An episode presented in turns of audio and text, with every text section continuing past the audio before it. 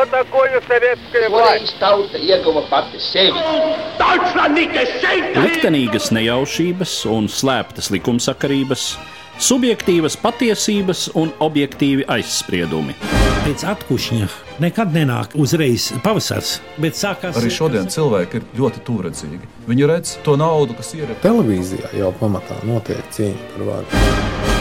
Pagātne no šodienas skatu punkta un šodienas caur pagātnes prizmu. Raidījumā šīs dienas acīm. Katru svētdienu Latvijas radio eterā Eduards Liniņš. Labdien, cienījamie klausītāji! Šodien ir ceturtā diena, kopš Ukraina varonīgi aizstāvas pret Krievijas federācijas bruņoto spēku iebrukumu. Tas ir jauns posms militārajā agresijā, kuru Krievija īsteno pret savu mazāko kaimiņu valsti jau kopš 2014. gada. Tās mērķis ir paturēt Ukrainu Kremļa varas orbītā, neļaut tai attīstīties kā demokrātiskai, tiesiskai, eiropeiskai sabiedrībai. Pašreizējais iebrukums ar visplašāko modernās kara tehnikas izmantošanu nepārprotami tiecas iznīcināt Ukrainas neatkarīgo valstiskumu, ja ne de jure, tad de facto. To pavada dezinformācijas un propagandas kampaņa, kurā nozīmīga vieta iedalīta arī sagrozītam, selektīvam vēstures traktējumam. Viens no galvenajiem šo izdomājumu un aplamību avotiem ir arī mūslaiku slavenākais amatieru vēsturnieks, pats Kremļa saimnieks Vladimirs Puķins.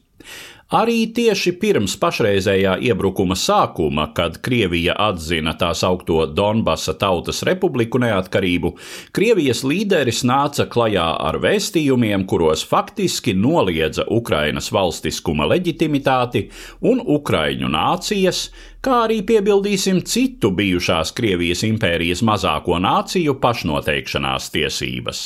Šodienas raidījuma mērķis ir pierādīt pretējo, proti, ka Ukraiņu nacionālajam valstiskumam ir senas un vispārējos Eiropas vēstures procesos dziļi integrētas saknes. Par to vēsturniece, Latvijas Universitātes Latvijas Vēstures institūta vadošā pētniece Daina Blējere. 17. gadsimtā, kad notika Ukrāņu kazaku sacelšanās pret polijas virskundzību, un šī sacelšanās notika Bogdana Hmeļņicka vadībā, tā bija iespēja Ukrāņiem nodibināt faktiski savu valsti. Diemžēl viņi nevarēja izmantot šo iespēju, jo Hetmaņa valsts, jeb Kazaku valsts, kas nodibinājās 17. gadsimta otrajā pusē, pēc tā laika priekšstatiem par to, kas ir leģitīma vara, tai bija nepieciešams kaut kādas lielākas valsts atbalsts, jo tā atradās pastāvīgā konfrontācijas stāvoklī ar Žečpospolitu, un, protams, ka Ukraiņu kazaku spēki bija pārāk mazi, lai pretotos Žečpospolitas spiedienam, tā tad bija divas iespējas. Viens bija Turku sultāns, Osmaņu sultāns, otrs bija Maskavas cara valsts. Ar Osmaņu sultānu kaut kāda vienošanās bija psiholoģiski ļoti sarežģīta, praktiski neiespējama, jo tauta to neatbalstīja, jo visu laiku šī konfrontācija ar Osmaņiem ir bijusi jau gadsimtiem ilgi. Alternatīva bija Maskavas cars, pareizticīgais, un varēja cerēt, ka patiešām Maskavas valsts sniegs šo atbalstu Hetmaņa valstī. Tika noslēgts Perieslavas miera līgums, tā teksts nav saglabājies līdz mūsdienām, un mēs nezinām, kas īsti īsti tajā bija paredzēts. Pilnīgi iespējams, ka abas puses katra savādāk traktēja šī miera līguma tekstu. Kazaki saprata, ka viņi saglabās savu autonomo valsti. Krievijas cars saprata, ka šī Kazaku valsts tiek iekļauta Krievijas impērijas sastāvā gan sākotnēji, nu, teiksim, uz zināmiem autonomijas pamatiem. Taču viņi visai drīz jau pēc Bogdana Hmeņicka nāvis šo autonomiju sāka samazināt, samazināt, samazināt, kamēr Pēteris I to nolikvidēja pavisam. Bogdanam Hmeņickim bija tāda absolūta autoritāte, pateicoties tam, ka viņa vadībā šī sacelšanās patiesībā bija ļoti veiksmīga.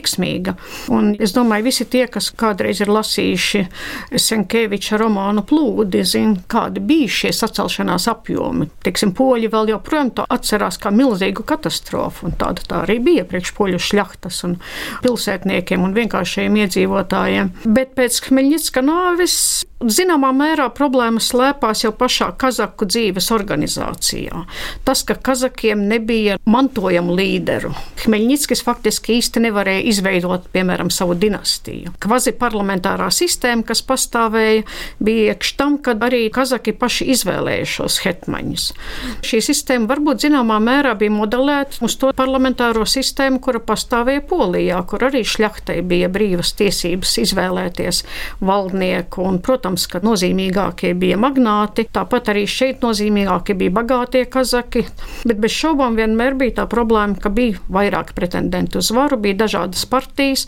Protams, ka šīs dažādas partijas meklē dažādus sabiedrotos. Tie varēja būt poļi, varēja būt tatāri, varēja būt Maskavā. Un Ziemeļu kara laikā Ivans Mazepa, tas ir viens no pazīstamākajiem hetmaņiem un cilvēks ar visai traģisku likteni, viņš šādu sabiedroto pret Krievijas caru atrada Zviedrijas karalī Kārlī 12. Protams, jāņem vērā tas, ka tā nebija visa tagadējās Ukrainas teritorija. Tā bija apmēram tagadējā Ziemeļukraina un daļa centrālās Ukrainas. Par rietumu Ukrainu mēs nerunājam, jo tā tajā laikā atradās Žečpospolitas varā. Lai gan Hmeļņickas atcelšanās pirmajā visveiksmīgākajā posmā lielākā daļa Ziemeļukrainas nonāca Kazaku pārvaldībā. Vienīgā problēma, ka viņi nevarēja to saturēt rokās. Bet šīs savstarpējās hetmaņu cīņas galu galā arī noveda lielā mērā pie Kazaku jeb hetmaņu valsts novājināšanās un pie tā, ka Krievijas cariem izdevās arvien vairāk mazināt viņa autonomiju, un Pēteris I arī pēc Poltavas kaujas, kurā Zviedri Kārlis 12. un viņa sabiedrotais līdz ar to Ivans Mazepa tika sakauti, arī šo Kazaku autonomiju nolikvidē pilnīgi, un Katrīna II galu galā nolikvidē arī kazakus faktiski kā slāni izpostīja aizkrāces seču un izrāva ar saknēm faktiski visu to. Lielu daļu no aizkrāces kazakiem nometināja Dienvidkrievijas stepēs, un ko mēs zinām kā kubaņas kazakus, tie faktiski lielā mērā bija Ukraiņi pēc izcelsmes. Pēc tam, kad Katrīna II pievienoja Krimu Krievijas impērijai. Šīs Dienvidu Ukrainas un Dienvidkrievijas zemes ap Novorosīsku, ap Odesu, šīs plašās stepes bija ļoti maz apdzīvotas, bet tur ārkārtīgi bagātīga zeme ir un tās geogrāfiskais stāvoklis ļoti izdevīgs. Tādēļ sākās diezgan strauja šo zemju kolonizācija. Vieni no kolonistiem bija bez šaubām kazaki, Bet tika pieaicināti arī citi kolonisti. Tika pieaicināti vācieši, piemēram, ļoti daudz bija gan Krimā, gan Odesā. Arī kolonisti no Krievijas tika aicināti. Ja mēs atceramies Gogoļa mirušo dvēseli sižetu, tad tur faktiski runa ir par ko? Priekš kā tiek uzpirktas tās mirušās dvēseles, tāpēc, lai tās varētu fiktīvi nometināt šajās Dienvidu Ukrainas stepēs, it kā veidot fiktīvas mūžas, jo valsts maksāja par šīm. Protams, tur tika izlaupīti līdzekļi, tur notika visādi veidi ļaunprātības un tam līdzīgi, bet galu galā 19. gadsimtā šis reģions, šīs stepes pārvērtās, pateicoties kolonistiem, par visai ilgplaukstošu lauksaimniecības reģionu. Krievijas maizes klēti. Nu, un pati Krīma, kur tomēr līdz pat 44. gada deportācijai pamatmasu veido Krīmas tatāri. Jā, lai gan kopš Krimas pievienošanas Krievijas impērijai, protams, arī pašā Krimas pussalas, jeb salas teritorijā arī Krievija apmetās, apmetās arī Ukraiņi, vācu kolonisti un citu tautību kolonisti. Tā ka šis etniskais sastāvs uz 1917. gadu, uz Krievijas revolūcijas laika, jau ir pietiekami raibs. Bet vienalga Krimas tatāri joprojām veido pamatiedzīvotāju galveno masu. Ja runā par rietumu Ukrainu, jeb Galīciju un Bukovinu, kas atradās Austrungārijas impērijas sastāvā, un Ukraiņu teritorijas bija šīs impērijas Austrijas daļā.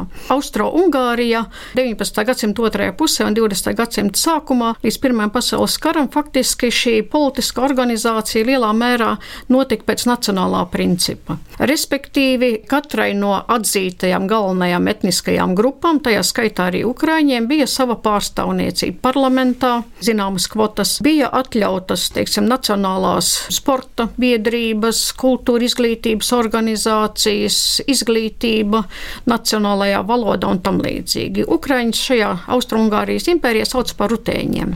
Un šeit, protams, Ukraiņu inteliģencija elitei bija daudz lielākas iespējas attīstīties, bet problēma bija tā, ka, protams, šajā polijas daļā un vēlākajā Austrungārijas daļā Ukraiņu mužniecība lielā mērā pārpoļojās, vairs neizjūta sevi kā Ukraiņus, bet drīzāk kā poļus. Bet, protams, jāņem vērā arī tas, ka bija ļoti plašs šis mazās, sīkās mužniecības un vidējās mužniecības slānis, kurā ukrainiskuma apziņa daļai varbūt sociāla apstākļu dēļ, tāpēc, ka viņi jutās kaut kādā ziņā sliktākos apstākļos nekā magnāti, lielā šļakta. Viņi attīstīja šo ukraiņu nacionālismu apziņu, ka Ukraiņa ir īpaša tauta. Kas attiecās uz to Ukrainas daļu, kas atradās Krievijas impērijas sastāvā, tad šeit stāvoklis bija drusku citādāks. Krievijas impērijā principā netika atzīta kaut kāds Ukraiņu tautas kā tāds pastāvēšana. Ukraiņi tika uzskatīti par mazkrieviem, respektīvi par krievu tautas etnogrāfisku variantu. Viņiem ir savs dialekts, ir kaut kādas savas paražas, bet tie visi esam vienota krievu tauta. Un kaut kāds ukraiņu nacionālisms vai ukraiņu nacionāla apziņa tika ravēta ārā ar visām iespējamiem līdzekļiem.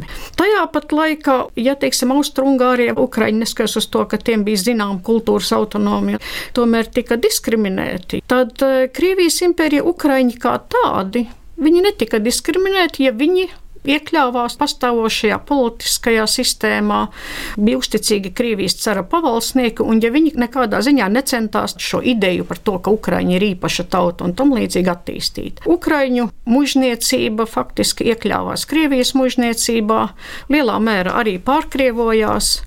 Nu, mēs atceramies Gogoļa stāsts un tieši ar tādu etnogrāfisku ukrainisku specifiku, bet Gogolis tika uzskatīts un faktiski arī pats sevi uzskatīja par krievu rakstnieku. Nu, rakstīja krievu valodā. Un rakstīja krievu valodā. Jā, šīs dialektālās iezīmes tur bija. Viņš bija no Poltavas, tas ir centrālās Ukrainas daļas, kas varētu teikt tāds ukrainiskuma centrs ir.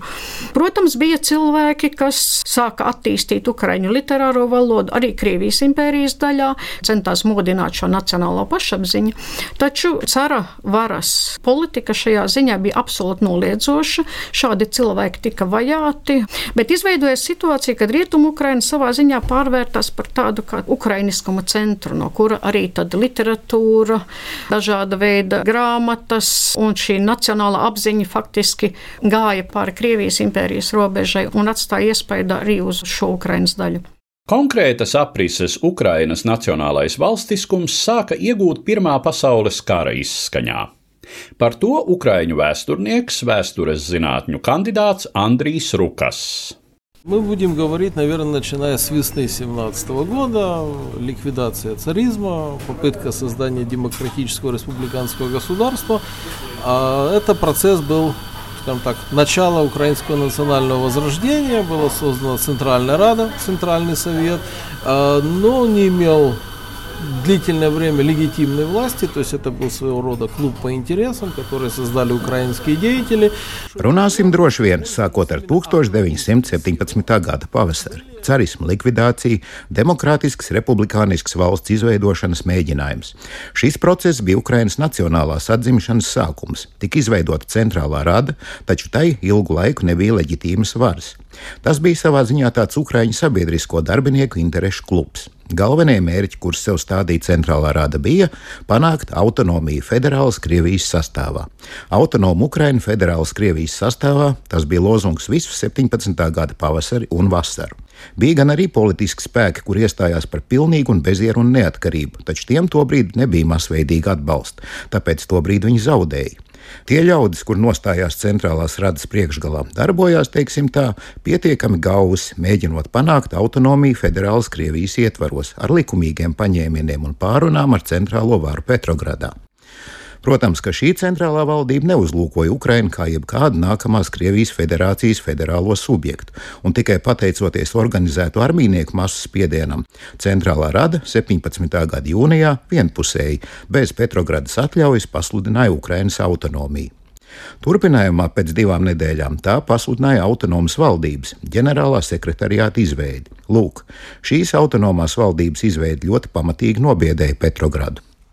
Kīvā ieradās delegācija un sākās jau nopietnas sarunas. Tās noslēdzās ar tā saucamo otro universālu.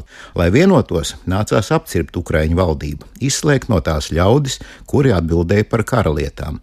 Nācās paplašināt radas sastāvu. Līdz tam tā pārstāvēja pamatā Ukrāņu intereses. Tagad tā kļuva par zemes pārstāvniecības orgānu. Trešdaļu vietu nācās atdot nacionālajām minoritātēm - krieviem, ebrejiem, poļiem, moldāviem. Tad no Petrogradas pienāca Krievijas pagaidu valdības instrukcija, kas apcirp jurisdikcijas geogrāfiju. Deviņu guberņu visas Ukrainas vietā atstāja tikai piecas. Pagaidu valdības sākotnējo piekāpšanos noteica tikai vēlmi izvairīties no destabilizācijas. Pēc tam viņi sāk darboties pretējā virzienā - apcirpt, apcirpt, apcirpt. Pilnīgas neatkarības ideja tobrīd nebija populāra, ko ir viegli izskaidrot. Līdz pat pēdējam momentam Ukraina bija pilnīgi integrēta impērijas daļa. Vienotās Krievijas idejas bija visai dziļi iesakņojušās iedzīvotāju masās. Seko lielinieka apvērsums 17. gada novembrī, un centrālā radio rīkojas pavisam citādi. Tā paziņo, Krievijā varat darīt, ko gribat. Mēs esam gatavi atzīt bolševiku valdību Krievijā, bet mēs viņus nepieņemsim kā viskrievijas valdību, kurai mēs tagad būtu pakļauti. Centrālā rada ar tā saucamo trešo universālu pasludina Ukrainas Tautas Republikas izveidi. Tā gan vēl nebija pilnīgi suverēna valsts. Universālā bija teikts, ka mēs nenorobežojamies no Krievijas revolūcijas interesēm, turpinām tās aizstāvēt, taču veidojam nevis vienkārši Ukrainu, bet Ukrainas Tautas Republiku. Tika noteikts republikas robežas, pasludinātas visas demokrātiskās tiesības un brīvības. Tas bija stūrakmens topošās valsts ēkai, bet vēl nepilnvērtīga neatkarības deklarācija. Pilnīga neatkarība tika pasludināta formāli 18. gada 22. janvārī ar tā saucamo 4. universālu. Tur jau bija skaidri pateikts, ka Ukraina ir suverēna valsts. Ukraiņas strādniecība pamatā bija krievvalodīga. Ukraiņu strādnieku šķirt to brīdi praktiski nepastāvēja. Dabiski, ka proletariāta diktatūras idejas guva atsaucību tieši šādā vidē. Ja mēs paskatīsimies uz to, kas notika Kijevā, tad visas šeit notikušās bolševistiskās sacelšanās balstījās tieši lielajos rūpniecības uzņēmumos un guva industriālo rajonu iedzīvotāju atbalstu. Otrais - zemnieki. Ukraiņu zemniekus, kā zemniekus jebkur citur, interesēja viens jautājums - zeme. Un šai jautājumā, un ne tikai šai jautājumā, neatkarīgās Ukrainas valdība zaudēja informācijas kā ar bolševikiem. Viņi acīm redzot nesaprata, ar ko viņiem ir darīšana.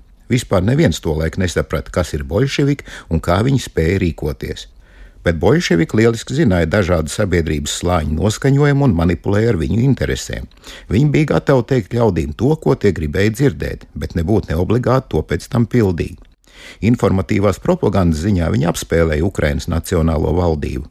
Ukrainas valdība solīja zemniekiem zemi, taču cenšoties palikt, kā tagad mēdz teikt, konstitucionālajā telpā. Tobrīd vēl neatceltās Krievijas likumdošanas ietvarā, tika izstrādāts mehānisms lielo zemes īpašumu pārdalē. Zemnieki gaidīt negribēja, negribēja īpaši iedziļināties. Bolševiku dekrēts par zemi tika uztverts ļoti vienkārši - zeme tiem, kuri to apstrādā. Tiesa, 18. gadā bolševiki šeit maz parādījās. Kijavā viņi pie varas bija trīs nedēļas un paspēja sev pieteikt ar inteliģences un pilsonisko aprindu pārstāvju šaušanu. Zemniecību viņus tad vēl praktiski nepamanīja. Savukārt otrā bolševika atnākšana 19. gadā uz 7, 8, 9 mēnešiem, dažos reģionos pat uz visu gadu, viņi jau varēja ķerties pie agrārā jautājuma risināšanas tā, kā to paredzēja viņa politiskā doktrīna. Tik veidotas kolektīvās saimniecības, dažādi kooperatīvi un tā tālāk. Pie tam kara komunisma apstākļos pārtiks piespiedu konfiskācija, tā saucamās pārtiks sagādas vienības sūtīšana uz laukiem. Lūk, Tad Ukrāņu zemnieki saprata, mūs ir drusku apmuļķojuši. Zemi mums it kā iedeva, bet tā izrādās nav mūsu, bet gan valsts īpašums. Mēs to kopjam, bet izaudzēto mums atņem. Ukrainas Tautas Republikas delegācija kā neatkarīgs figurants piedalījās Brest-Litovskas miera sarunās starp Vāciju un tās sabiedrotajiem no vienas un sabrukušās Krievijas impērijas varas mantiniekiem no otras puses. Pēc sarunu pirmās kārtas izgāšanās Vācijas un Austro-Ungārijas spēki ieņēma plašas bijušās Krievijas impērijas teritorijas. Tiesa, to ienākšana Ukrainā notika pēc vienošanās ar Ukrainas Украиnas Tautas Republiku. Они приходили сюда в качестве союзников, приглашенных украинским правительством, и в таком смысле их именно и рассматривали. То есть они не захватывали. Это была не латышская ситуация, это была там не белорусская, не эстонская ситуация, куда их никто не приглашал. Тут была немножко другая ситуация. Они приходили в качестве союзников на основе особого мирного соглашения.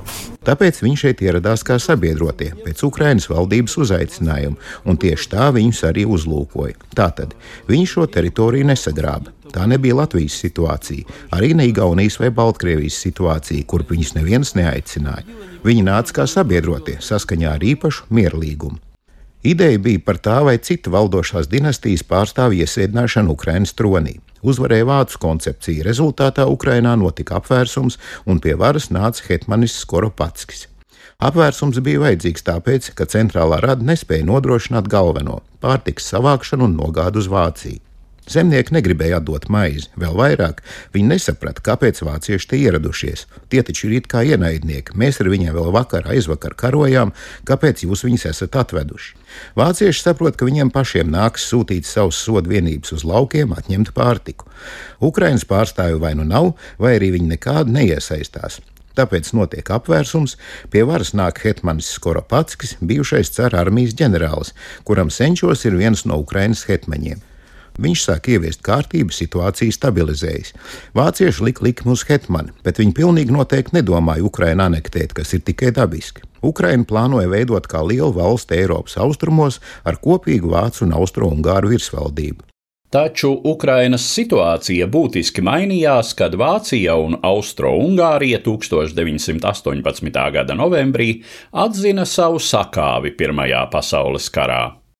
Problēma sastāvēja v tom, что наши, скажем так, политические мужи, наша политическая элита, различная политическая элита, имела хорошие, мощные, конструктивные контакты в противоположном лагере.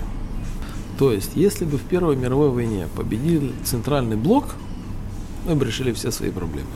Но, к сожалению, у нас не было людей, которые могли бы точно так же эффективно общаться с французами и англичанами. В конце концов, украинцы были депутатами австрийского парламента. Будучи депутātiem. Problēma bija tā, ka mūsu politikas vīriem, dažādām mūsu politiskajām elitēm bija labi, jaudīgi, konstruktīvi kontakti pretējā nometnē. Ja Pirmajā pasaules karā būtu uzvarējuši centrālā bloka valstis, mēs atrisinātu visas savas problēmas, bet, diemžēl, mums nebija cilvēku, kur spētu tikpat efektīvi komunicēt ar frančiem un angļiem. Galu galā Ukraiņi taču bija Austrijas parlamenta deputāti. Kā Austrijas impērijas parlamenta deputāti, viņi varēja ietikt augstākajos varas koridoros un kabinetos Vīnē un Berlīnē, par Sofiju un Stambulu nemaz nerunājot. Bet Parīzē mums tādu cilvēku nebija, un Londonā arī mums tādu nebija. Bez tam rietumos mums bija tāds kaimiņš kā Polija, kura pretendēja uz ievērojamu daļu Ukrainas teritoriju, un Antanta poļu pārstāvis uztvēra kā savā ziņā eksperts šo austrumu reģionu jautājumos. Un poļi skaidroja, ka Ukraina tas principā tāds bolševiku paveids vien ir. Diemžēl Parīzē mūs nesadzirdēja. Pie tam Ukraina izrādījās tajā bijušās Krievijas impērijas daļā, kas primāri bija Francijas interešu sfēra, atšķirībā no Baltijas valstīm, kas nonāca Britu interešu sfērā. Francija bija liels Krievijas impērijas kreditors, un Franciju interesēja ieguldījumu atgūšana. Tas pirmkārt.